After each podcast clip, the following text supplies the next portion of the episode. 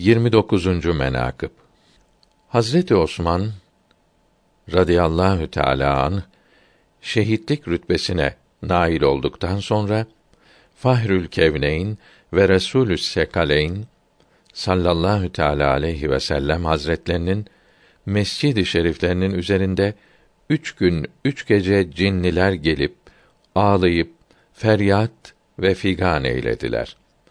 Cümle halk bunların feryat ve figanlarını işittiler. Bu da Hazreti Osman'ın radıyallahu teâlâ an büyüklüğüne işarettir. Şevahidün Nübüvveden tercüme olundu.